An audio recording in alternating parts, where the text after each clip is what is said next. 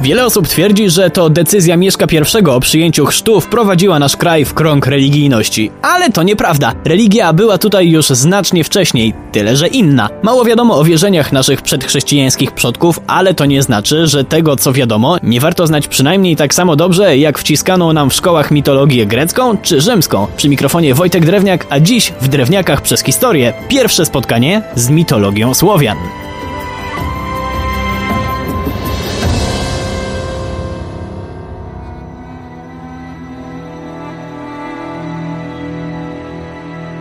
Słowianie byli i nadal są rozrzuceni po ogromnym terenie, więc od razu nasuwa się wniosek, że religia na tak wielkim terytorium i to w epoce, gdzie wymiana informacji była dość poważnie utrudniona, nie mogła być jednolita. Wierzenia trochę się od siebie różniły, bogowie byli podobni, ale mieli różne nazwy, zależnie od regionu. Chociaż był jeden taki, który był jakby bogiem naczelnym całej Słowiańszczyzny. Pozwolę sobie zacytować. Wierzą, że jest jeden Bóg na niebie, innym rozkazujący. On się o niebieskie tylko troszczy sprawy, inni zaś, pełniący podzielone obowiązki od niego pochodzą, o tyle zaś każdy potężniejszy im bardziej z nim spokrewniony.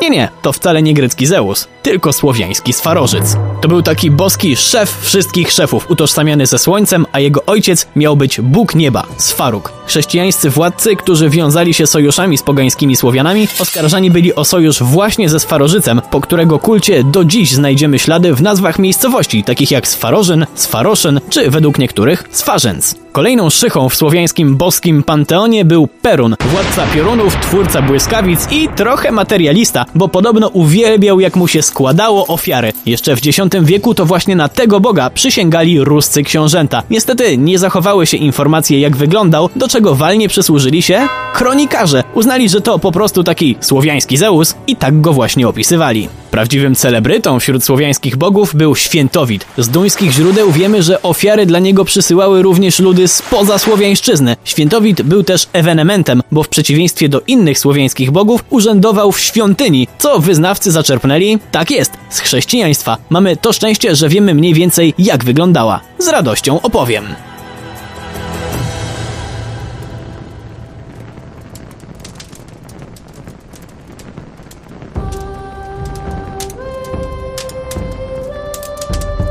Było tam mnóstwo tarcz, mieczy i sztandarów. Naturalnie centralnym miejscem był posąg świętowita, który był znacznie większych rozmiarów niż dorosły śmiertelnik. Miał cztery szyje i cztery głowy, z których dwie patrzyły przed siebie, a dwie w tył. Poza tym posąg trzymał w ręce róg z drogich kruszców zrobiony, w który kapłan raz na rok wlewał miód, z którego potem wróżył. To jednak nie tak, że słowiańscy bogowie byli tacy sami przez setki lat. Nie, nie, ewoluowali, a najlepszym na to przykładem jest Trzygłów, zwany też Trygławem. Czczono go na przykład na terenach dzisiejszego Szczecina. Pewien kronikarz w XII wieku napisał, że Bóg ten miał trzy głowy, bo rządził trzema królestwami niebem, piekłem i ziemią. Dzisiaj może brzmi to składnie, ale gdyby tę wizję przedstawić któremuś z jego wyznawców, to zabiłby nas śmiechem.